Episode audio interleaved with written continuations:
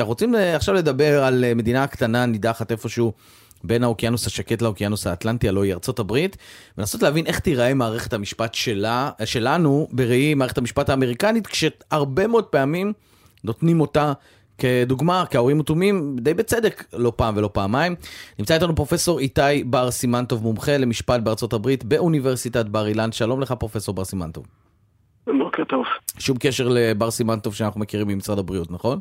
זה רק כדי... תמיד שואלים את השאלה הזאת, והתשובה היא שאנחנו בני דודים מדרגה שנייה. אה. למיטב ידיעתי, כן, למיטב ידיעתי כל בר סימנטוב קשורים, אנחנו משפחה קטנה יחסית. אה, ואתם בקשר? כמובן. אה, יפה. אה, משפחה מוצלחת. אין ספק.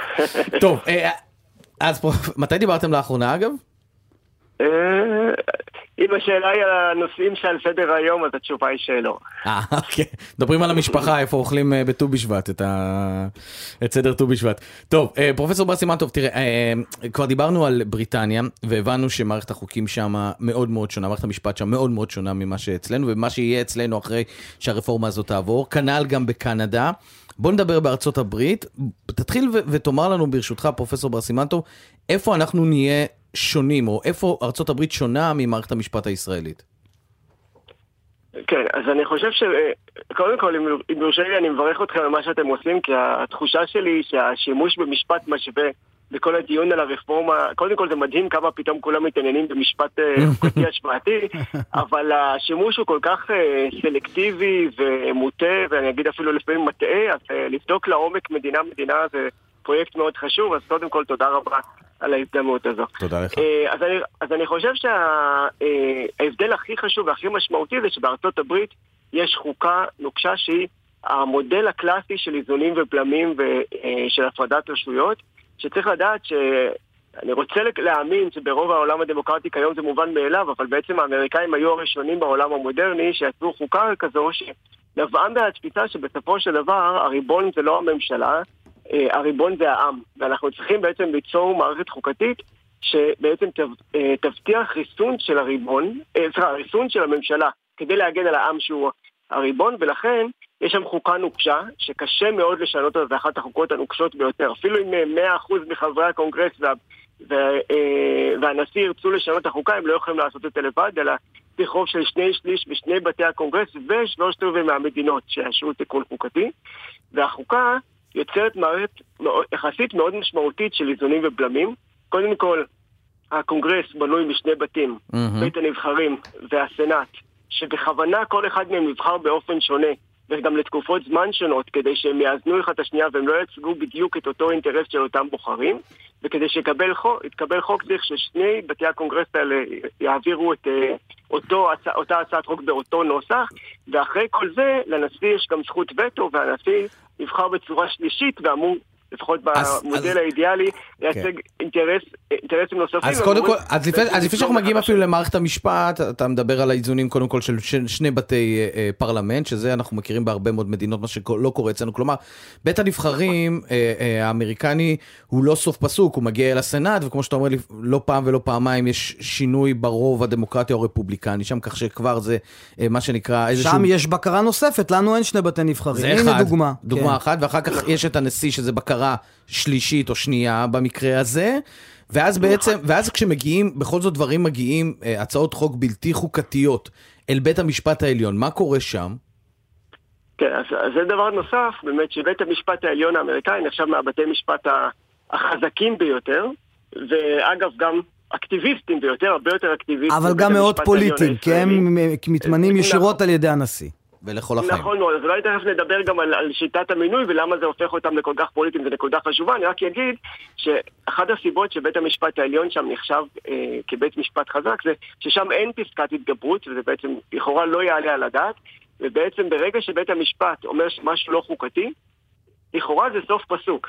ואין דבר כזה של טוב, אחר כך נעביר את אותו חוק על אפו ועל חמתו של אה, הקונגרס, והדרך היחידה להתגבר על דבר כזה זה תיקון חוקתי. אבל לפני רגע אמרתי לכם שתיקון חוקתי זה מאוד קשה בארצות כמעט בלתי אפשרי. זה, בדיוק, וזה אחת הסיבות שהמישור של מינוי שופטים הפך להיות נושא שהוא מאוד פוליטי, כי מבחינתם זה אה, האמצעי מרכזי לערוך שינויים. כלומר, אני, אני כותב אותך כל פעם כדי שנעשה איזה שהם, מה שנקרא סיכומי פרקים.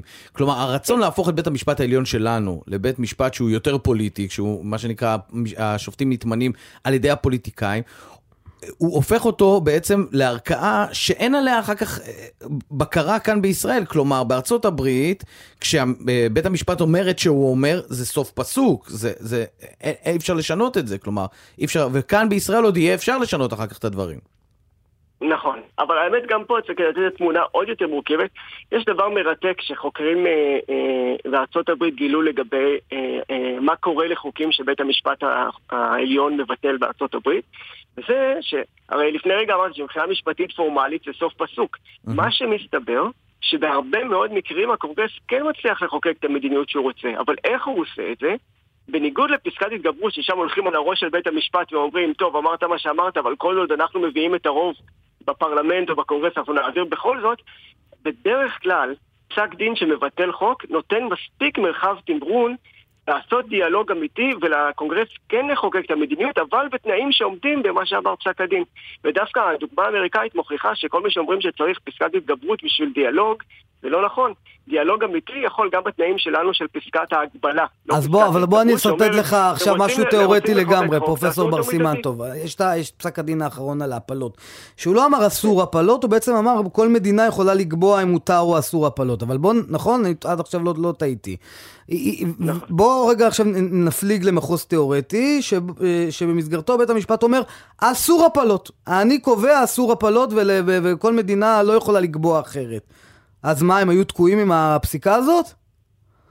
אז כן, אז קודם כל צריך לומר, אפילו הפסק דין הקיים, למה הוא היה אה, פסק דין דוב שבאמת אמר שביטל את הזכות החוקתית להפלות, הוא כשלעצמו הייתה אה, רעידת אדמה. כי זה נכון שלכאורה זה בסדר, כל מדינה עכשיו תעשה מה שהיא רוצה, אבל, אה, אבל בעצם כל הרעיון של זכויות חוקתיות זה שיש דברים שאנחנו אומרים שעם כל הכבוד לרוב הנבחר, ומה שנקרא יש כבוד, זה לא יכול להיות אה, אה, כוח חסר כל מגבלות, ואם יש לנו זכות חוקתית, אז אי אפשר לקבוע, אי אפשר אה, ליטול אותה מהאזרחים ולהגיד מעכשיו אפשר לצבוע בה ללא שום מגבלה.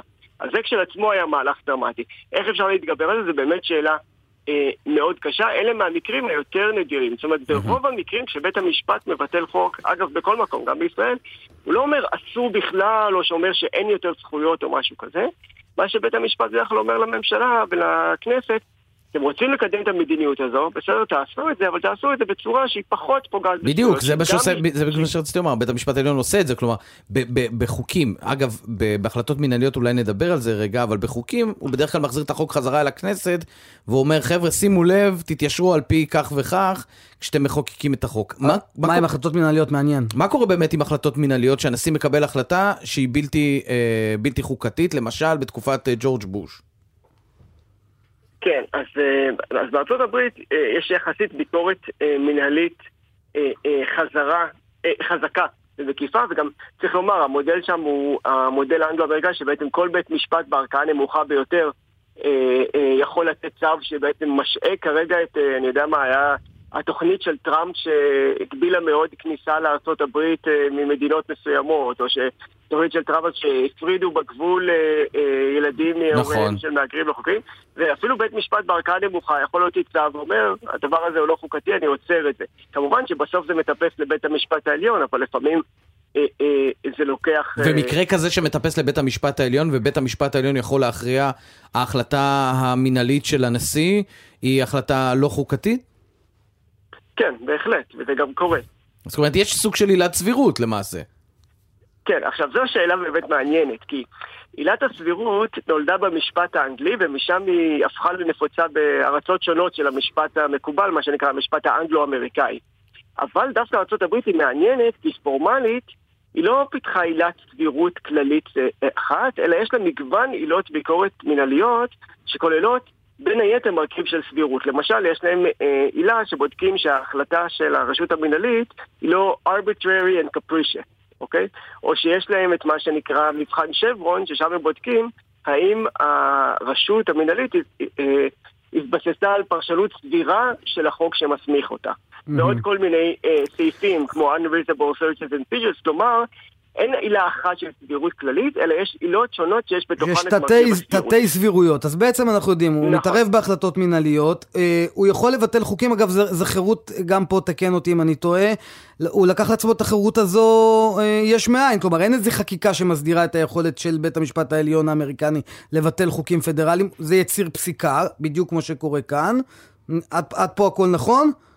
נכון מאוד. יפה, אז הדבר היחיד כשמצדדי הרפורמה הזו של יריב לוין זורקים אותנו לארצות הברית, זה אומרים לנו, תראו, ארצות הברית אה, פוליטיקאים ממנים, הנשיא ממנה בעצמו, ולכן אצלנו המצב איום ונורא, יש לבית המשפט העליון כל כך הרבה סמכויות, הוא כזה חזק, והממשלה כל כך חלשה. אז בעצם כשמעמיקים גם בשיטה האמריקנית, רואים שיש שם איזונים ובלמים שאין כאן. נכון. אה, אגב, אגב, הזכרת את בחירת שופטים, יש שם עוד נקודה אחת שכאן בארץ מתקנים בה, מי שמקדם את הרפורמה זה היועצים כן. המשפטיים, שגם הם אה, מטעם, נכון, פרופסור בר סימנטוב? נכון, אז אולי באמת בוא נדבר גם על היועצים המשפטיים וגם על מינוי שופטים. אז לגבי יועצים משפטיים, באמת האמריקאים הם המודל, בניגוד למודל סיביל סרבנטס אה, אה, אה, שהוא א-פוליטי, אלא בארצות הברית, כל הפקידות, כולל בעצם יועצים משפטיים, היא פוליטית לגמרי, ואז כל נשיא מביא איתו את האנשים שלו. וזה כמובן מביא לזה שאנשים אה, נבחרים לפי ההשקפות הפוליטיות שלהם ולפי הדעות שלהם. זה יכול להביא למצב כמו שלמשל הנשיא טראמפ בראש הרשות החשובה ביותר לאיכות הסביבה מינה מישהו שהיה מכחיש אקלים, מכחיש שינוי האקלים. אותו דבר, אה, ואז, ואז, ואז ייעוץ כזה נתקל בבית המשפט העליון? זאת אומרת, אה, יועץ משפטי אומר לנשיא, או למי שזה לא יהיה, אתה יכול לקדם חקיקה כזו או כזאת, ובסוף זה מגיע לבית המשפט העליון, ושוב אנחנו חוזרים לנקודה הזו? נכון, ופה יש סכנה, וגם יש פה שאלה, זאת אומרת, מה בסופו של דבר טוב לממשלה? זאת אומרת, אם היא רוצה אה, יועץ משפטי שיגיד לה מה שהיא רוצה לשמוע, ובסוף זה לא יעמוד במבחן הביקורת, או שהיא רוצה יועץ משפטי שיגיד לה כבר תוך כדי הליכי קבלת החלטות שלה, תשמעו, זה לא ילך, תעשו משהו אחר. הדוגמה הכי מפורסמת שקרתה בארצות הברית, עוד בפרשת אה, אה, אה, ג'ורג' בוש השני, בתקופת המלחמה בטרור, ומה שנקרא torture memo, כלומר, תזכיר העינויים. כן, ובעצם מה שקרה, כן. אה, הם מצאו שם אה, אה, אה, באמת שני אה, מינויים פוליטיים שהיו היועצים המשפטיים אה, אה, שלהם, זה נקרא Office of Legal Counsel, ובעצם הם הוציאו חוות דעת אה, שאומרת שצריך במלח... בתנאי מלחמה, צריך כוח כמעט בלתי מוגבל mm-hmm. לנשיא, וש...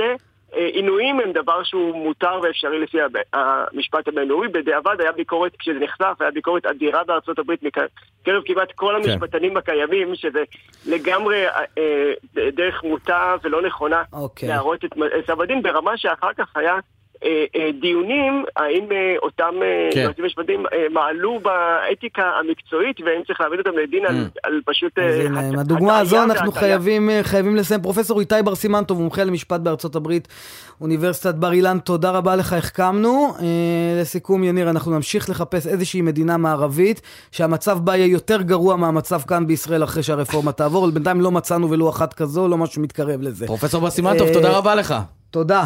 תודה רבה לכם. אז, אז גם, אז קנדה לא, בריטניה לא, וגם ארצות הברית טוב, לא. טוב, ישי, תמשיך לחפש מדינות מערביות, אולי נמצא... צריך להיות גם אה, הונגריה ופולין בהמשך. הונגריה, פולין, כן. אה, ברזיל אולי, משהו שם. כן. אה, כן. טוב.